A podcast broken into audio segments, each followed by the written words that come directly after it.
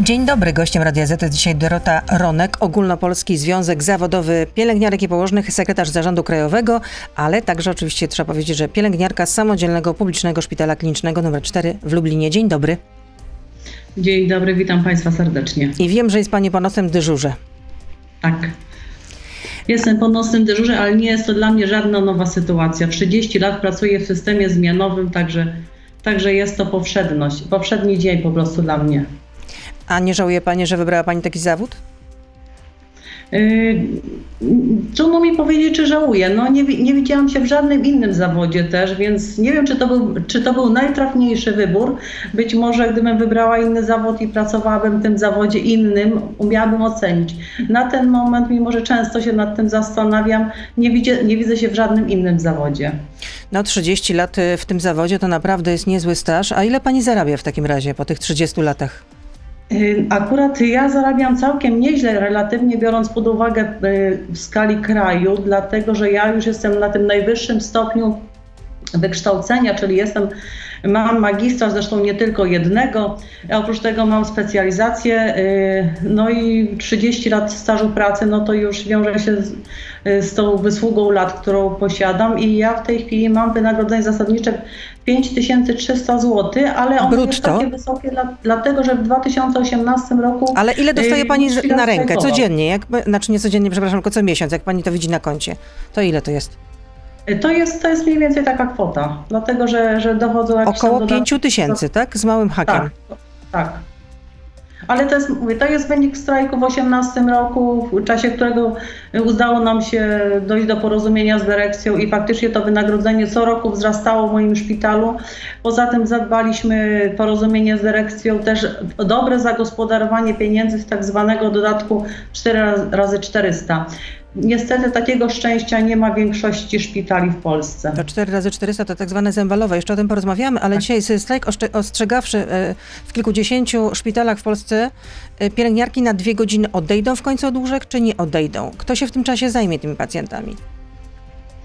Zawsze jak jest prowadzony strajk, to zawsze, to nigdy to nie jest tak, że się kompletnie opuszcza tych pacjentów. Zawsze, zawsze oni są pozostawieni pod opieką, czasami w zmniejszonej obsadzie. Na pewno te obsady na oddziałach intensywnej terapii, na oddziałach noworodkowych i tam wszędzie, gdzie jest y, życie pacjenta zagrożone, na pewno te pielęgniarki będą. Być może one skorzystają w tym czasie z tej przerwy półgodzinnej, którą y, mają w ciągu dnia praca i nie wykorzystują tak na co dzień, bo zwyczajnie nie mogą, to, to być może w tym czasie w tym czasie y, wyjdą z tego oddziału, ale na pewno pacjenci będą zaopiekowani. I my już jest, my mamy taką naturę, że my tak zawsze straszymy tym strajkiem, straszymy, a potem jednak zawsze ten pacjent jest dla nas najważniejszy i, i tak staramy się zrobić, żeby pacjent jak najmniej ucierpiał, ale z drugiej strony też, żeby pokazać nasze problemy i to, to o czym cały czas mówimy. To nie dociera do ministra zdrowia. Protest jest e, w 40 szpitalach w całym kraju, a w szpitali w Polsce jest e, według danych, danych GUS-u jest ponad 900, czyli to nie jest taki masowy protest. To nie jest masowy protest, dlatego że nasza organizacja ma w swoich strukturach około 700 organizacji. To są też międzyzakładowe organizacje, które zrzeszają kilka podmiotów. Y, Z tego około 400, w 400 podmiotach są spory zbiorowe. Także nie wszędzie są nasze zakładowe organizacje i dlatego tam nie może być strajków, nie może być protestów, bo, bo nie, nie ma tej procedury sporu zbiorowego przeprowadzonego. A poza tym, no, idziemy, no, nadal idziemy, staram się iść jak najłagodniej, ale jednak podkreślać tą naszą sytuację dlatego traktujemy to jako pierwszą falę strajków w tych 40 podmiotach, które są już na etapie sporu zbiorowego umożliwiającego ten strajk. No i jeżeli dalej nie będzie prowadzonych z nami rozmów przez ministra zdrowia i, i ustawa, która aktualnie jest procedowana, nie będzie miała y, zadowalającego dla nas finału, no to będą kolejne fale tych strajków i być może dojdzie do strajku generalnego wówczas. I na czym miałby polegać ten strajk generalny? Gdyby minister Niedzielski nie chciał z wami rozmawiać i gdyby ta ustawa nie została zmieniona. Jeszcze o tej ustawie za chwilę porozmawiamy, ale na czym miałby polegać ten strajk generalny? Definicja strajku jest w Polsce jedna. Jest to powstrzymanie się od pracy. Y, jaka metoda będzie powstrzymania się od, od pracy? Czy to będzie niewykonywanie jakichś pe pewnych zadań w ramach tego dyżuru? Y, czy to będzie y, całkowite wyjście na jakąś tam chwilę z tego oddziału? Z tym, że no, z pominięciem oczywiście tych oddziałów wszystkich intensywnej opieki i, i tak, żeby ci pacjenci byli zaopiekowani. To o tym będzie decydowała każdy, każdy podmiot, każda zakładowa organizacja, bo, bo jest samodzielna w podejmowaniu swoich decyzji. O ile wykonuje uchwałę organu wyższego rzędu, czyli zarządu krajowego, o tyle sam sposób przeprowadzania już akcji czy strajku, czy akcji protestacyjnej, no to tutaj już podejmuje od sama odpowiedzialność i sama decyzję. No, powód strajku jest taki, że e, przede wszystkim chodzi o złe warunki pracy i kiepskie pensje i chodzi o tak zwaną ustawę Niedzielskiego, e, czyli e, która przewiduje, że pensje osoby ze średnim wykształceniem, która nie wykonuje zawodu medycznego, ma być taka sama jak pensja pielęgniarki, która skończyła liceum medyczne. Dlaczego tak nie powinno być? Dlaczego z tym się nie zgadzacie? Y, my się nie zgadzamy, dlatego że y, stoimy na stanowisku, że powinno być przeprowadzone wartościowanie pracy. Jesteśmy, jest XXI wiek, nauka się rozwija bardzo intensywnie w Polsce, też mamy wiele sukcesów tym temacie, a mimo to nie, nie korzystamy z tych zdobyczy naukowych i nie, nie było przeprowadzonego wartościowania pracy pielęgniarki położnej. I, I my się przy tym upieramy, że powinno być takie wartościowanie przeprowadzone, żeby pokazać, że nasza praca to jest odpowiedzialność, to jest decyzyjność, to jest ten wysiłek i psychiczny, i fizyczny, y, to jest praca zmianowa, czyli praca właśnie w nocy, praca w święta, y, to jest dźwiganie, to jest wiele różnych aspektów, które, które, wpływają na, na, jak, na wynik tej pracy i dlatego cały czas upominamy się, że powinno być wartościowanie pracy. I dlatego też naszym głównym hasłem to jest wynagrodzenie po wartościowaniu, a nie po uważaniu. Ponieważ to, to ile powinna zarabiać w takim razie pielęgniarka? Pielęgniarka, ile powinna zarabiać, to, to jest takie, takie nasze życzeniowe, bo to by dopiero na ten moment pielęgniarki młode nie wchodzą do systemu, czyli to, to wynagrodzenie, nawet które ja w tej chwili przytaczam, powoduje, że mimo, że 5,5 tysiąca jest roku absolwentów wydziałów pielęgniarstwa, tylko 3,5 tysiąca wchodzi do systemu. Tymczasem opuszcza ten system 10,5 tysiąca, czyli 7,5 tysiąca tracimy. Jeżeli by to było wynagrodzenie adekwatne do wykonywanej pracy, to, to młode osoby by były w tej pracy. Czyli ile a... na, na dzień dobry taka początkująca pielęgniarka powinna zarabiać?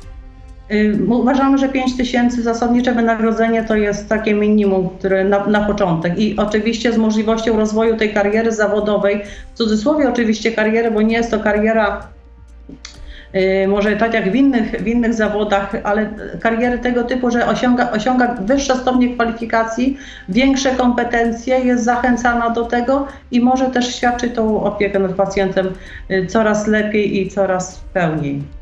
5 tysięcy brutto, tak? Jak rozumiem. Tak. tak. 5 tysięcy brutto. No teraz przeciętne wynagrodzenie pielęgniarki czy pielęgniarza według GUS-u, przynajmniej jeśli chodzi o rok 2018, to wynosiło ponad 5 tysięcy brutto właśnie, czyli to na rękę jest około 3800 zł, no a średnia mm, E, płaca na tym stanowisku była wyższa o 6% od przeciętnego wynagrodzenia ogółem brutto w 2018 roku. Takie są dane GUS-u. Mówimy o roku oczywiście 2018. To tyle w części radiowej. Oczywiście nasz gość, e, czyli pani Dorota Ronek z Ogólnopolskiego Związku Zawodowego Pielęgniarek i Położnych z nami zostaje. Jesteśmy na Facebooku, na Radio ZPL, na YouTube, więc proszę zostać z nami. Beata Lubecka, zapraszam. Czy ten wasz protest to, jeszcze takie, to jest też takie swoiste wotum nieufności dla, z waszej strony dla ministra Niedzielskiego? Tak, zdecydowanie jest to wotum nieufności, ponieważ minister zdrowia, chociaż jest, jest ministrem w rządzie, nie realizuje polityki y, Rady Ministrów. Y, w 2018 roku został podpisany dokument Wieloletnia Polityka Państwa na rzecz pielęgniarstwa i położnictwa i ona jest kompletnie nierealizowana przez ministra zdrowia. Minister się wykręca tym, że, że była pandemia, że nie było możliwości, ale tymczasem robił różne inne działania typu likwidacja Departamentu Pielęgniarek Położnych w Ministerstwie Zdrowia, typu zmiany w sposobie organizowania kształcenia podyplomowego, także robił inne, inne działania, ale nie te działania, które były zapewnione przez Radę Ministrów w polityce wieloletniej na rzecz państwa i to było podpisane porozumienie między środowiskiem pielęgniarek a, a rządem. A to w takim razie e, minister Niedzielski nie wykazuje żadnej dobrej woli, bo na waszej stronie można przeczytać, że e, formuła dialogu z ministrem Niedzielskim e, się wyczerpała. Co to znaczy, że się wyczerpała? Minister Niedzielski, minister Adam Niedzielski, minister, 17 minister zdrowia w Polsce prowadzi z nami dialog na zasadzie, że wyznaczył spotkania cotygodniowe, na tych spotkaniach nie zawsze był albo się spieszył i już na poprzednim posiedzeniu zarządu krajowego, gdzie próbowaliśmy jeszcze, jeszcze porozmawiać, minister już się spieszył. Już się spieszył i na nasze pytanie, czy ma dla nas w ogóle czas, to, to powiedział, że no nie ma czasu, bo, bo gdzieś tam się spieszy. I, I cały czas ten dialog tak na tym polegał, że to był pozorny dialog, że spotykaliśmy się, ale, ale z tego nic nie wynikało. No bo po ostatnim waszym spotkaniu, kiedy właśnie już zapadła prawie decyzja o tym, że będziecie e, przeprowadzać ten strajk ostrzegawczy. Rzecznik Ministerstwa Zdrowia, jak wyszedł na konferencję prasową, to powiedział, że resort jest, y, tutaj cytuję, zaskoczony postawą pań pielęgniarek, bo minister i cały zespół, który przyszedł na to spotkanie ze strony ministerstwa, był przygotowany do rozmów. Minister Zdrowia i Ministerstwo Zdrowia y, w ramach Rady Dialogu Społecznego podpisało porozumienie, znaczy nie porozumienie, może zaakceptowało kształt ustawy o minimalnym wynagrodzeniu, ale strona społeczna to były trzy centrale związkowe, zgodziła się na to Centrala Solidarności, która skupia bardzo mało y, przedstawicieli zawodów medycznych, OPZZ, który też skupia bardzo mało przedstawicieli zawodów medycznych, a Forum Związków Zawodowych, które skupia najwięcej pracowników medycznych i to jest to bardzo liczna grupa, y, nie zaakceptowało tego rozwiązania. Pomimo to minister uznał, że że jest zgoda strony społecznej, więc tak wygląda ten dialog i, i minister cały czas się posiłkuje tymi dwoma centralami mówiąc, że, że jest zgoda strony społecznej. To trochę przypomina e, sytuację, e, kiedy dochodził, kiedy był strajk nauczycieli. Były podobne metody stosowane przez, e, przez rządzących. To co powinno się wydarzyć po tym dzisiejszym dniu? My cały czas liczymy, że, że ministerstwo przede wszystkim odpowie na nasze zapytania. Skąd Czyli? ministerstwo wzięło dane o średnim wynagrodzeniu, bo takie nam przedstawiło w styczniu tego roku. Że? Dopytywaliśmy się, z ilu jednostek są zebrane te dane, nie otrzymaliśmy odpowiedzi. Skąd, kto wymyślił podział na te grupy, które są w ustawie? Też ministerstwo nie wie, skąd się wzięło podział na te grupy. I to są, jeszcze jest wiele innych różnych pytań, także przede wszystkim oczekujemy odpowiedzi na nasze pisma, które były złożone do ministerstwa z konkretnymi zapytaniami, bo żebyśmy też prowadzili jakiś dialog, no to też potrzebujemy konkretnych informacji. Tych informacji nie uzyskujemy. Po drugie, oczekujemy, że, że w końcu dotrze do ministra zdrowia, że zawód pielęgniarki położnej jest zawodem deficytowym i jest on na liście zawodów deficytowych, że, że właśnie, że tracimy co roku bardzo dużo osób z tego zawodu, że osoby, mimo że łożymy jako państwo na kształcenie tych osób, nie chcą podejmować pracy w tym zawodzie, czyli, czyli coś jest na rzeczy, a poza tym, co jest jeszcze dodatkowo w ostatnich dniach okazało się sprawą bardzo druzgocącą, że średnia wieku zgonu pielęgniarki to jest 61 lat przy czym Polka żyje 81 lat średnio. Więc to pokazuje, jak, jaka jest ta praca i jak jest bardzo wyczerpująca. I to nie, są, to nie są dane z ostatniego roku z pandemii, tylko to są te średnia z ostatnich pięciu lat. No, o te zapowiedzi, które wynikają z przedstawionego Polskiego Ładu, tego nowego programu e, Prawa i Sprawiedliwości Społeczno-Gospodarczego. Obiecano tam wyższe pensje dla pielęgniarek, dla zawodów medycznych. No i jeszcze tam czytamy też, że wprowadzimy szybką ścieżkę wejścia do zawodu dla pielęgniarek, które mają kwalifikacje, a nie pracują w zawodzie. Y, jeżeli chodzi o to, co to w ostatniej propozycji rządu, to są to tak ogólne stwierdzenia, że, że my dopóki nie zobaczymy konkretnych zapewnień i konkretnych rzeczy, bo tak, tak jak już było nawet z tym dodatkiem 4 razy 400 myśmy go w 15 roku wywalczyli, ale tak naprawdę ciągle to musieliśmy bronić, bo mieliśmy podpisywane porozumienia nawet na terenie podmiotów na pół roku. Bo to zembalowe, bo to zembalowe o którym mówimy, że w 2015 roku udało się wam wywalczyć, chodziło o to, że co rok będziecie mieć podwyżkę o 400 zł więcej, tak? 400 zł brutto brutto. Brutto, Także to brutto, jest tak. tak. Także to jest tak do, do zasadniczego wynagrodzenia to jest około 250 zł. Y, z ministrem Szumowskim udało nam się podpisać porozumienie, że z tego 1200 zł będzie włączone do zasadniczego wynagrodzenia. Ale to włączenie to nastąpiło w taki sposób, że właśnie, że te porozumienia w podmiotach są często podpisane do 30 czerwca tego roku, czyli od lipca pracodawcy mają możliwość już nie wypłacania tego 1200 zł w zasadniczym wynagrodzeniu. Także jest ryzyko, że, że my w tym momencie też utracimy ten dodatek. No, według Organizacji Współpracy Gospodarczej i Rozwoju rzeczywiście na tysiąc mieszkańców to przypada u nas 5,2 pielęgniarek, a średnia unijna to jest 9,4. Za nami są już tylko Grecja i Łotwa, gdzie na tysiąc mieszkańców przypada odpowiednio 3,3 albo 4,6 pielęgniarki. No i co ważne, że jest y, ta średnia wieku pracujących y, pielęgniarek w Polsce, to jeszcze 10 lat temu to było 42 lata, obecnie to jest 52 lata i ta liczba jeszcze rośnie. Rozumiem, że młode kadry się nie garną do tego zawodu albo emigrują ze względu na kiepskie zarobki na starcie. To ile na starcie y, na dzień dobry dostaje taka pielęgniarka, nawet z magisterką, jak rozumiem?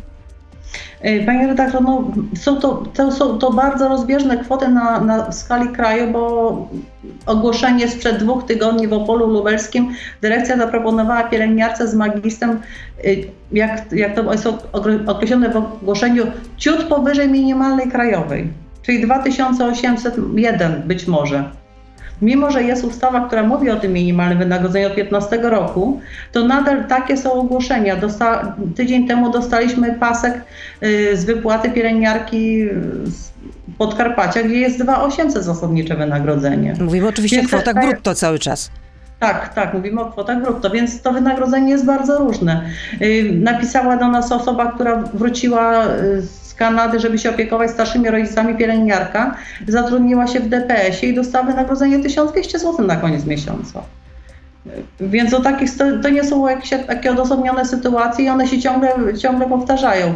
Więc nasze pytanie jest, jeżeli zostało łączone 1200 zł do zasadniczego wynagrodzenia i nadal wynagrodzenie jest na, na poziomie 2800 albo 3200, no to jakie, jakie byłoby to wynagrodzenie, gdyby nie było tych, tego, tych właśnie środków z dodatku y, y, danego, danego wynegocjonowanego przez ministra Zembale y, ze związkiem, no i później utrzymanego przez ministra Szumowskiego, bo jeszcze jest taki paradoks na przestrzeni tych 17 ministrów, o których wspomniałam, że tylko z ministrami, którzy byli kardiologami udało nam się dojść do porozumienia, bo to był profesor Religa, to był profesor Zembala, i profesor Szumowski z tymi trzema y, ministrami udało nam się małymi krokami iść do przodu.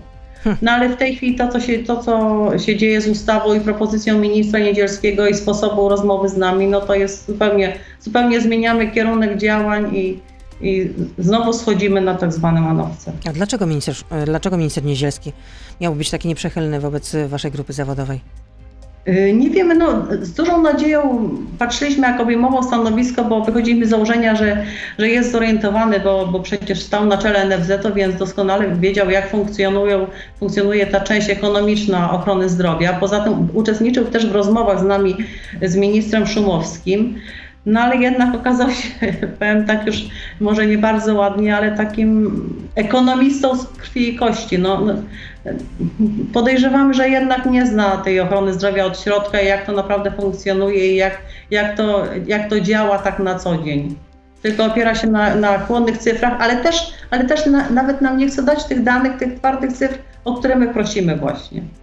A czy teraz, kiedy już walka z COVID-em no, e, nie jest aż e, tak e, dynamiczna, nazwijmy w ten sposób, ponieważ no, liczba zakażonych zdecydowanie spadła, czy teraz jest wam lżej? Bo y, kiedy y, no, ta walka była taka, można powiedzieć, no byliście na pierwszej linii frontu i kiedy była trzecia fala, no to mówiła pani, że no, po 12 godzinach spędzanych w, w kombinezonach, no to, że przekraczacie też normy dźwigania, że przenoszą was ze szpitala do szpitala, że na jedną pielęgniarkę przepada nawet po 12 pacjentów.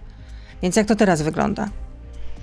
Teraz się niewiele zmieniło, tak naprawdę, dlatego że tylko tyle, że my oswoiliśmy się już z tą pandemią, z COVID-em i z tą całą sytuacją, i teraz my nawet już sobie nie zdajemy sprawy, że my cały czas pracujemy w tym napięciu. Nadal nie ma odwiedzin w szpitalach, są to tylko incydentalne sytuacje, że rodzina może odwiedzić kogoś w szpitalu, więc nadal ci pacjenci są pozostawieni właśnie osamotnieni bez tych rodzin, więc trzeba się i zaopiekować pacjentem, i trzeba się zaopiekować tą rodziną poprzez telefon, bo rodzina do dzwoni, bo, się, bo, bo martwi się najzwyczajniej w świecie i my staramy się udzielać tego wsparcia. Ale ilość zatrudnionych pielęgniarek się nie zwiększyła, nadal są, te obsady są na poziomie minimum, tym bardziej, że y, minister zdrowia zawiesił funkcjonowanie norm zatrudnienia. Także one w tej chwili nie obowiązują i pracodawcy mogą ustawiać naprawdę na poniżej tego minimum, co jest bardzo niebezpieczne dla pacjentów. To się dzieje głównie w szpitalach powiatowych, w szpitalach jakichś takich właśnie mniejszych. Yy, poza tym normy w psychiatrii w ogóle nie zostały wprowadzone, mimo że było zapewnienie ministerstwa, że wejdą te normy, to nie zostały w ogóle wprowadzone. Normy w pediatrii też nie zdążyły nawet wejść, bo zostały praktycznie tego samego dnia wprowadzone i zawieszone. Więc praca jest cały czas bardzo ciężka. Jak, jak pacjenci, no, taki przykładowy pacjent to jest 80 kg czy 100 kg, także nawet zmiana pozycji takiego pacjenta to wymaga 4-5 osób a i poświęcając czas temu pacjentowi nie jesteśmy u innego pacjenta, więc my cały czas pracujemy w pośpiechu, cały czas pracujemy w niedoczasie i cały czas próbujemy, próbujemy jakoś to wszystko spinać. Yy, nastawiam się na priorytety, a te już rzeczy mniej istotne, no to niestety muszą odejść już na, na plan dalszy, czyli to wsparcie pacjenta, ta rozmowa z pacjentem, jakieś tam wytłumaczenie niektórych spraw, no to już niestety, ale to już jest sprawa drugoplanowa. No ale według ubiegłorocznego sondażu Cebosu yy, wynikało z niego, że pielęgniarka zajmuje drugie miejsce wśród zawodów, które cieszą się największym poważaniem. Takim zaufaniem Czyli społecznym, że w rankingu prześcignęłyście lekarzy, a nawet profesorów uniwersyteckich.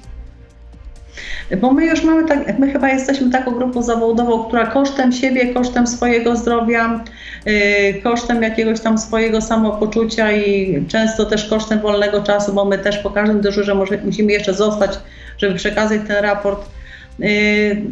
Poświęcamy ten czas pacjentom. Poza tym my opuszczając pracę, my cały czas o tych pacjentach pamiętamy i nawet jak ci pacjenci opuszczają nasz oddział czy nasz szpital, to my jeszcze, jeszcze często o nich rozmawiamy, bo się interesujemy, jak oni się mają, jak oni yy, jak wracają kolejny raz, to my już też ich traktujemy jako, jako osoby takie znajome nam, także to jest ta właśnie duża empatia z naszej strony, ale to też bardzo nas też y, niszczy tak wewnętrznie i też to jest wypalenie zawodowe i to wszystko się przekłada przekłada też na, potem na nasze życie i na nasze rodziny i na te właśnie na, na to życie 61 lat, a nie 81. Jest pytanie od słuchacza. E, kilka miesięcy temu czytałem dramatyczny tekst Pawła Reszki. Oddziały covidowe to umieralnie. Opisywał tam, autor tego tekstu, że pielęgniarki nie dają rady fizycznie, gdy trzeba na przykład reanimować pacjenta ważącego 150 kg. Czy po tym tekście ktoś Wam pomógł, na przykład, nie wiem, na Wojska Obrony Terytorialnej? Yy, Wojsko Obrony Terytorialnej faktycznie no, są, są te osoby w szpitalach i, i, i widać te osoby, ale te osoby nie zajmują się reanimacją pacjentów one mają raczej taką rolę wspierającą, jakąś tam właśnie mierzenie temperatury przy wejściu do szpitala, czy, czy do transportu, czy do jakichś takich rzeczy. No, nie są to pracownicy medyczni, więc oni nawet nie mają uprawnień do tego, żeby wykonywać jakieś czynności medyczne w szpitalu. A nie boicie się, że, że pacjenci mogą być, y, nie wiem, na was y, trochę źli że chcecie odejść od, od y, łóżek pacjentów, chociaż jak, jak pani mówiła, no to nie będzie tak, że pacjenci zostaną kompletnie bez jakiejkolwiek opieki, no to, to tak nie będzie. No ale jednak y, część z was nie będzie wykonywała w tym czasie swoich obowiązków.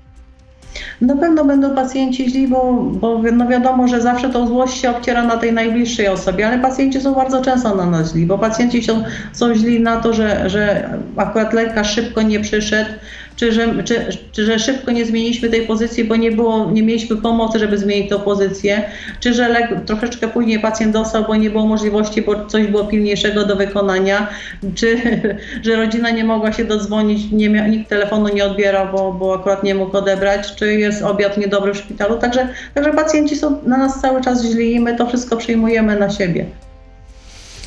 Czyli to taka codzienność, można powiedzieć, e, szpitalna. Tak, tak, tak, e, Maria pyta, dlaczego pielęgniarki położne w szpitalach nie noszą czepków? Pacjenci mają problem z rozróżnianiem personelu medycznego.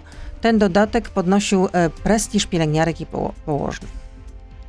No właśnie, to było wiele lat temu, kiedy to się tak w skrócie nazywa zrównanie głów, żeby pielęgniarki nie musiały nosić tych czepków, że, że ten czepek bardzo przeszkadzał w pracy, bo, bo jednak to jest praca wymagająca też takiej dużej sprawności fizycznej i przy wielu czynnościach on po prostu przeszkadzał. Y, było to dodatkowe utrudnienie. Zgadzam się z tym, że jednak jakiś tam znak że to jest pielęgniarka czy położna powinien być, bo ale, ale dlaczego powinien być? Dlatego, że właśnie ludzie chcą przede wszystkim do nas się zwracać. Bo, bo tak jak tutaj słuchaczka powiedziała, no, nie, nie sugeruję, żeby to lekarz nosił jakiś znak, czy żeby sanitariuszka nosiła jakiś znak, czy technik. Nie, tylko właśnie tej pielęgniarki położnej najbardziej się szuka i dlatego jest, są zawsze pytania, która to jest pielęgniarka i położna, bo to jest osoba, która na pewno pomoże i która na pewno przekieruje do właściwej osoby i to jest osoba od wszystkiego, mówiąc w skrócie. Karol pyta, czy w sektorze prywatnym pielęgniarki zarabiają na starcie 8 tysięcy, tak jak to Państwo proponują? Yy, myślę, że nie. Znaczy to wszystko zależy od sposobu zatrudnienia, bo jeżeli pielęgniarka pracuje 300 czy, czy 350 godzin na zarazie i więcej, no to być może i zarabia 8 tysięcy. A czy są w Polsce zawody, które na starcie zarabiają, e, które mają takie.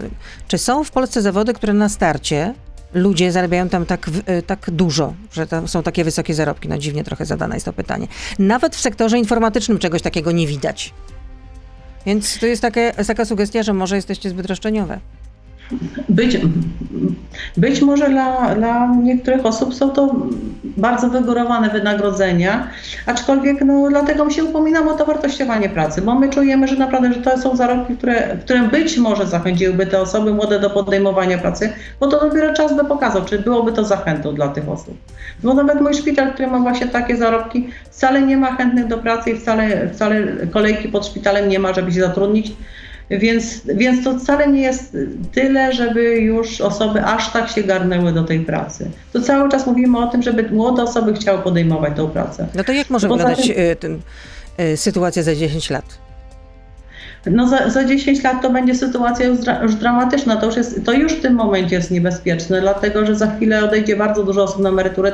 Pandemia jeszcze tym bardziej przyspieszyła tą chęć odejścia na emeryturę. Młode osoby tym bardziej zniechęciła do podejmowania tej pracy.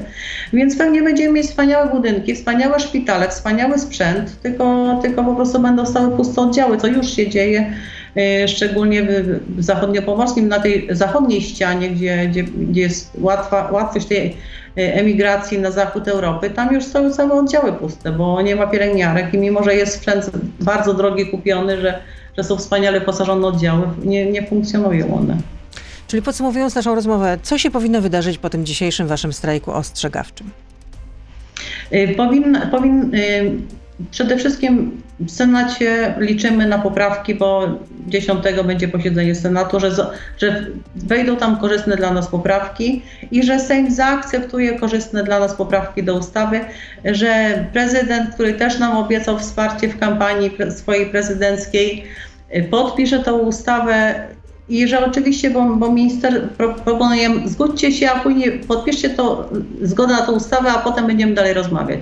Oczywiście możemy dalej rozmawiać, bo, bo wiadomo, że PKB na ochronę zdrowia ma dopiero wzrastać w kolejnych latach, w 2027 do, do 7%. Także oczywiście jesteśmy za tym, żeby dalej rozmawiać, ale my musimy już być w tej chwili na jakimś poziomie, żebyśmy mieli w ogóle o czym rozmawiać za, za parę lat. A jeśli to się e, nie wydarzy, to co dalej?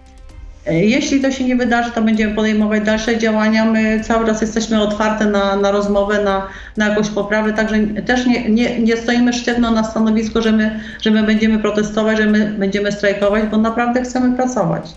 A jeżeli się nie, nie porozumiemy, no to będą dalsze decyzje zarządu krajowego, uchwały zarządu krajowego. Mamy spory zbiorowe, które są na etapie rokowań, mediacji, także kolejne zakładowe organizacje będą się przygotowywać do strajku. No i, no i zobaczymy, jak to pójdzie. No, my liczymy ciągle, że jednak uda się y, załatwić to polubownie i że minister zdrowia w końcu doceni, doceni naszą pracę i, i zrozumie, na czym ta praca polega. Dobrze, dziękuję za to spotkanie. Dorota Ronek, dziękuję. Ogólnopolski Związek Zawodowy Pielęgniarek i Położnych, pielęgniarka z Lublina, sekretarz Zarządu Krajowego była z nami. Dziękuję bardzo, życzę ustająco dużo zdrowia. Do usłyszenia, do zobaczenia, kłaniam się. Dziękuję bardzo, wszystkiego dobrego. To był gość Radia Z. Słuchaj codziennie na playerze i w Radio Z.